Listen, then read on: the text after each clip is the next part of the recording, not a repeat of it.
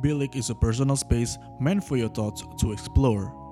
Bilik Podcast is a part of Bilik underscore ID.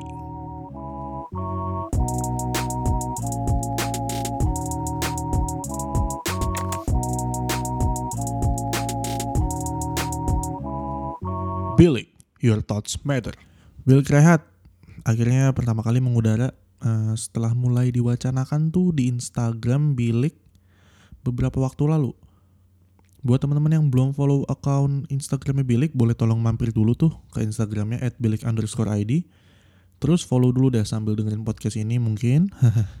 Karena bakal banyak banget konten-konten seru di luar podcast. Kita bakal share di sana. Di Instagramnya Bilik underscore ID itu. Hmm, dan buat teman-teman yang belum tahu Bilik Rehat itu apa, ini Bilik Rehat ya namanya segmennya gue jelasin.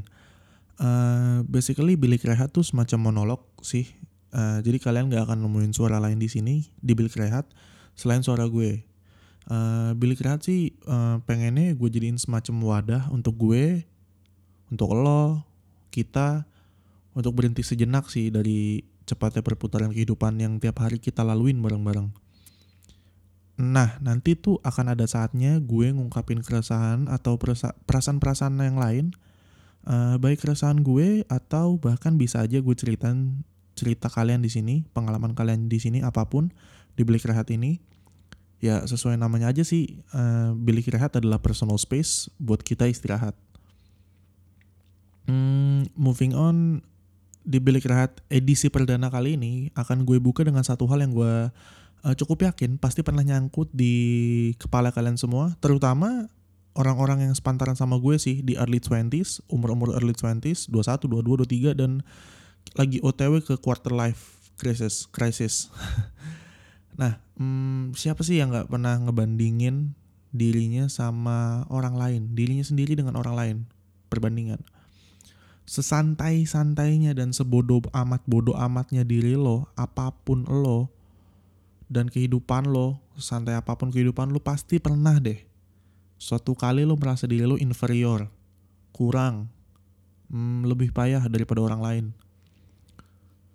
misalnya nih kenapa sih dia lulus duluan? Kok gue nggak lulus lulus ya? Kenapa sih dia udah mapan? Padahal dia lebih muda loh daripada gue.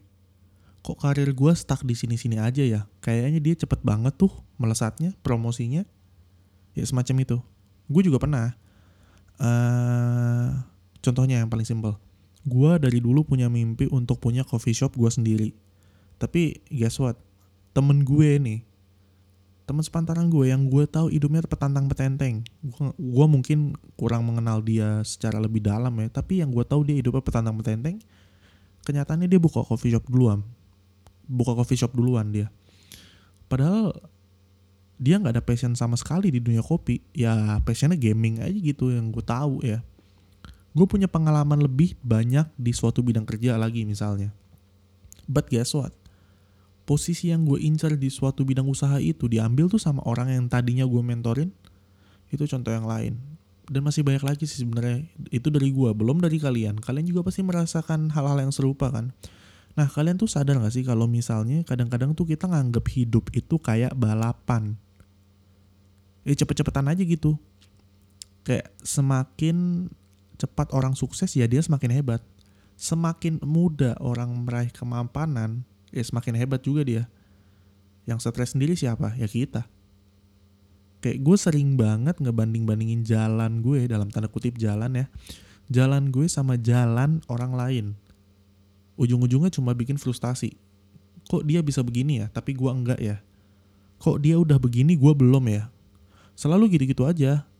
Siklusnya tuh sama, makanya gue sulit uh, menerima keadaan selama gue ngebanding-bandingin hidup terus Uh, sampai akhirnya gue inget bahwa dulu Colonel Sanders itu pertama kali jual restorannya waktu itu umurnya 65. 65 loh. Umur di mana seharusnya manusia tuh udah pensiun. Kalian tahu kan Colonel Sanders itu yang punya KFC. Kalau misalnya kalian lihat uh, logo KFC itu yang gambar orang tua, nah itu Colonel Sanders. Dia pertama kali jual restorannya aja umurnya 65.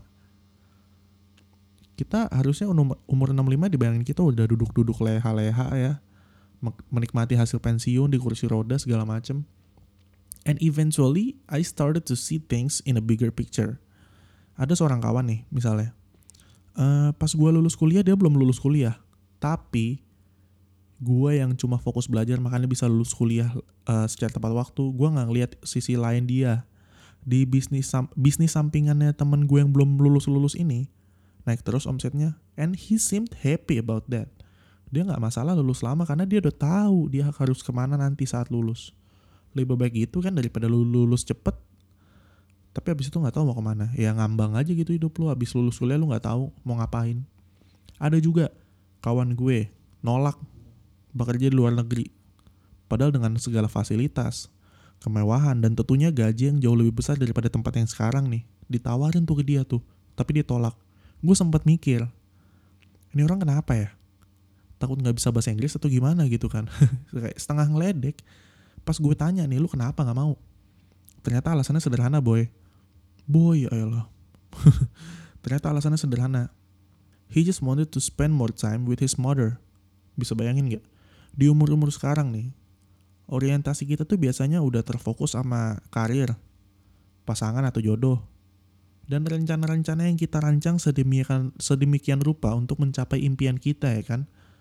Ya, tapi tanpa kita sadari kita tuh jarang melibatkan orang tua kita dalam mimpi itu. And when I found out about my friend, how my friend rejected all those overseas job, ya gue happy aja sih atas pilihan dia. Semoga dia gak nyesel dan semoga buah dari pilihan dia akan kembali kepada dia gitu sih. Ya gue merasa beruntung aja sih karena sekarang gue bisa melihat hal-hal yang kayak gini tuh dari sudut pandang yang lebih besar. Makanya gue bisa share di bilik rehat kali ini checkpoint masing-masing orang tuh di hidupnya beda-beda. Ada yang checkpointnya di kilometer 10 misalnya. Ada yang di kilometer 25. Ada yang baru di kilometer 100 tuh dia baru nemuin checkpointnya. Nah, ya kita sebagai manusia harus nemuin checkpoint kita masing-masing sih. Karena kita nggak bisa nyamain checkpoint kita sama checkpoint orang lain. Kalau gue sih udah berhenti ya. Gue mencoba berhenti, mungkin belum sepenuhnya bisa, tapi gue mencoba berhenti untuk menganggap hidup ini sebagai balapan. Kalau kalian masih mau nggak tuh nganggap hidup ini sebagai balapan? Bilik is a personal space meant for your thoughts to explore. Bilik Podcast is a part of Bilik underscore ID.